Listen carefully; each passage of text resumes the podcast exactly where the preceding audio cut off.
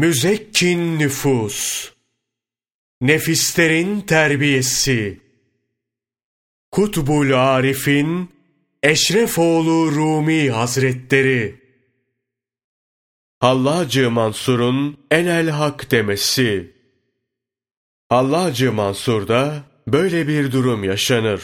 Hallaç, La ilahe illallah zikrini o kadar söyler ki, bu kalbine, kalbinden ruhuna ulaşır. Ruhuna yerleşen zikirle, kendisinde yakinliğin alametleri ve ilahi muhabbet oluşur. Kendini, adını, dünyayı ve dünyadakileri unutur. Zira zikrullahla aşka düşmüştür. Aşk ise manevi sarhoşluk alemidir. Aşk alemine düşen hallaç, orada beşeri sıfatlarından sıyrılır. Sen kimsin diye sorarlar ona. O, ben hakkım der.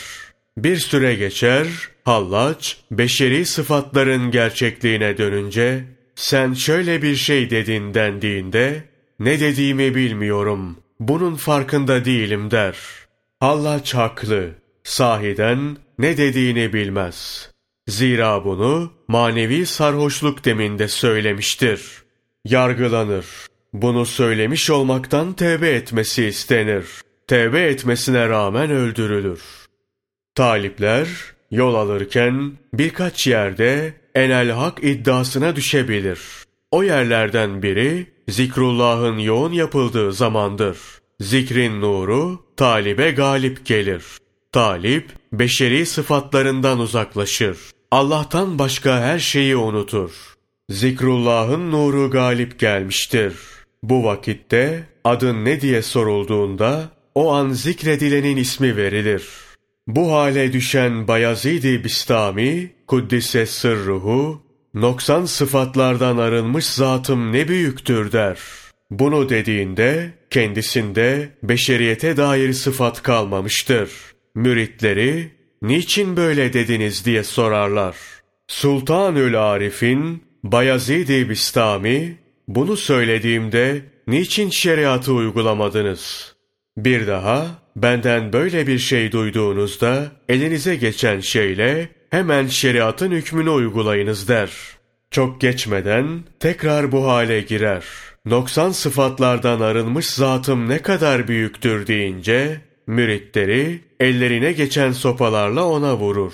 Ancak bir kılına dahi zarar gelmez. Bayezid-i Bistami Hazretleri bir süre sonra kendine gelince, efendim yine o ifadeyi kullandınız. Neden diye sorarlar. Peki siz ne yaptınız der müritlerine. Buyurduğunuz gibi elimize geçirdiğimiz silahla size vurduk. Ancak hiçbiri tesir etmedi derler.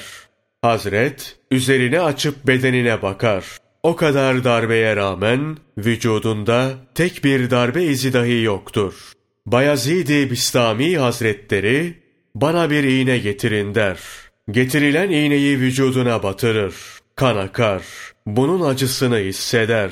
Döner müritlerine şöyle konuşur. Hakiki Bayezid budur. Bir iğnenin acısına dayanamayan, duyduğunuz sözü söyleyen Bayezid değildir. Hak Teâlâ, talibin gönlüne nazar edip oraya marifetler yerleştirir. İşte o vakit talibin dili hakka tercüman olur. Talip, marifeti tahsil ettikten sonra dili de marifetullahı anlatmaya başlar. Hazreti Musa aleyhisselamın ağaçtan hitabı izzeti duyması Kasas suresi 30. ayeti kerime ile sabittir.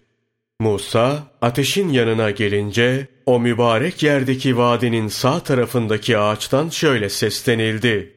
Ey Musa! Şüphesiz ben, evet, ben alemlerin Rabbi olan Allah'ım. Rahman'ın hitabı bir ağaçtan hem de bir yaban ağacından gelir de insandan gelmez mi? Şeyh Iraki, Kuddise sırrıhu bir beytinde şöyle der. Güneş, paslı bir demir olan aynaya vurduğunda, ayna, ben paslı bir demir parçasıyım demez. Ben de, güneşe bir zerre gibi ansızın düşsem, kimse beni, ben güneşim demekten alıkoymaz.'' Evet, hallaç, enel hak demekle hiçbir zaman hak olmaz. Bu noktada birçok talip yanılmış, seyri Allah'ı maiyet zannedip gerçeği yanlış anlamıştır. Bu durumda maiyet o manaya gelmez. Hak Teâlâ'nın vahdeti vardır. Orada kul kendi varlığını göremez. Beşeri sıfatlarından soyunur. Bu şöyle açıklanabilir. Biri bir damla suyu alıp denize bıraksa, damlayla denizin arasındaki ayrılık denizin birliğinde kaybolur. Diğer bir yönüyle de birlik olmaz. Deniz denizdir. Damla damladır. Denize bırakılmış da olsa damla varlığını sürdürür. Damlayla denizin arasındaki ayrılık bellidir. Ama binlerce damla cümbüşe geçip dalgalansa o vakit irade denizin olur, damlanın olmaz. Damla da denizle birlikte hareket eder. Hallacı Mansur'u öldürenlerin delili Bakara suresi 217. ayeti kerimedir. Sizden kim dininden döner de kafir olarak ölürse, öylelerin bütün yapıp ettikleri dünyada da ahirette de boşa gitmiştir. Bunlar cehennemliklerdir. Orada sürekli kalacaklardır. Ama hallaç enel hak dediğinde sarhoştu. Sarhoşun sözüne ise itibar edilmez. Zira birkaç insan sınıfından kalem kaldırılmıştır. Günahları yazılmaz. Dolayısıyla bunların küfrünün itibarı yoktur. Resulullah sallallahu aleyhi ve sellem şöyle buyurur. Şu üç kişiden kalem kaldırılmıştır.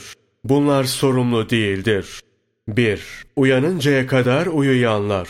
2. Ergenliğe erinceye kadar çocuklar. 3. Akıllanıncaya kadar deliler. Bir başka hadisi şerifte de şöyle buyurulmuştur.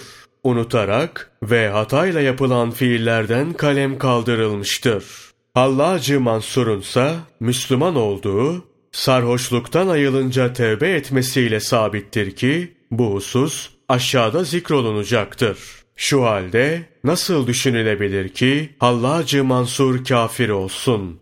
Zamanımızın fakihleri gerek Hallacı Mansur'u ve gerekse bazı meşayihi küfürle itham ederek fasit bir fikir peşine takılmışlardır. Ey aziz! Zikrullah ile alakalı birçok söz ve bilgi vardır. Bunlar sayıya gelmez. Akıl ve idrake sığmaz. Böyle konuşmam garibine gitmesin. Bu durumlar mecazi aşkta dahi yaşanır. Biri sevgilisinin ismini sıklıkla zikretse, sevgilisine olan aşkı sebebiyle ismini dahi unutur. Bir süre sonra dünyayla ilgisi kesilir. Bu vakitlerde kişiye ismi sorulsa, o da Hallacı Mansur gibi zikrettiği sevgilisinin ismini verir. Özetle söylemek gerekirse, ister hakiki, ister mecazi olsun.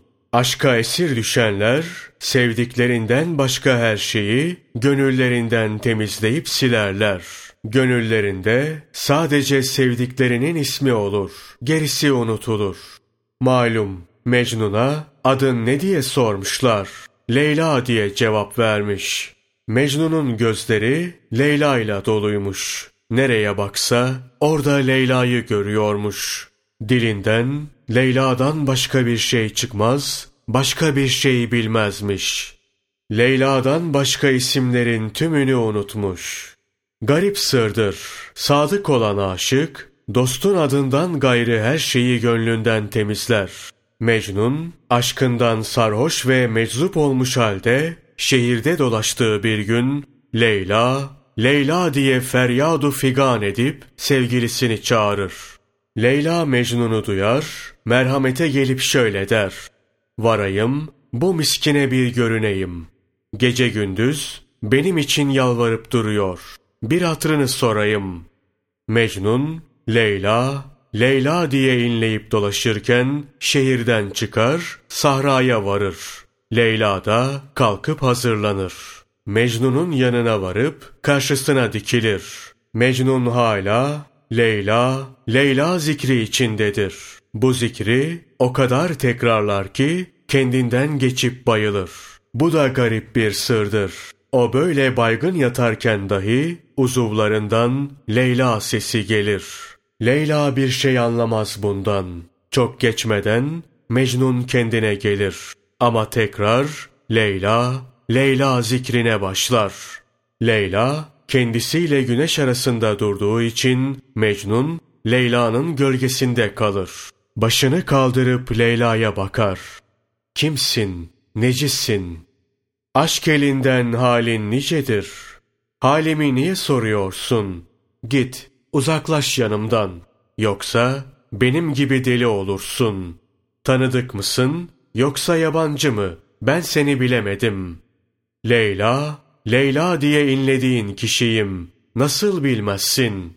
Var git başımdan. Alem bana Leyla oldu. Gönlüm hep Leyla ile doludur. Leyla'ysan ya bu bendeki Leyla kimdir? Ey Aziz! Bu hikayeyle maiyet nasıl olur, mugayeret nedir konusu açıklığa kavuştu. Kişi bazen kendinden geçer, beşeri sıfatlarından sıyrılır. Beşeri sıfatlar dediğimiz akıl, haset, idrak, vehim ve hayal gibi mutlak sıfatlardan kurtulur. Bazen namaz esnasında aşıklara ve Allah dostlarına mahfiyet hali gelir. Kendilerinden geçerler. Kendilerine geldiklerinde abdestlerini tazeleyip namazlarını kılarlar. Beşeri sıfatlar da iki türlüdür. Biri yukarıda anlattığımızdır. Diğeri ise yeri geldiğinde anlatılacaktır. Bunlardan her birinin işareti vardır. Zikir ruha yerleşip aşk ruha üstünlük kurduğunda talibin beşeri sıfatlardan nasıl sıyrıldığını anlatacağım. Oku, öğren bunları. Her bağırıp çağırmayı zikir sanma. Her düşüp bayılmanın fenadan olduğunu zannetme. Bu yolda hayaller çoktur. Her hayale kapılma. Bazen ne yapacağını bilmez, bunların peşinde sürüklenir, yok yere ömrünü çürütürsün.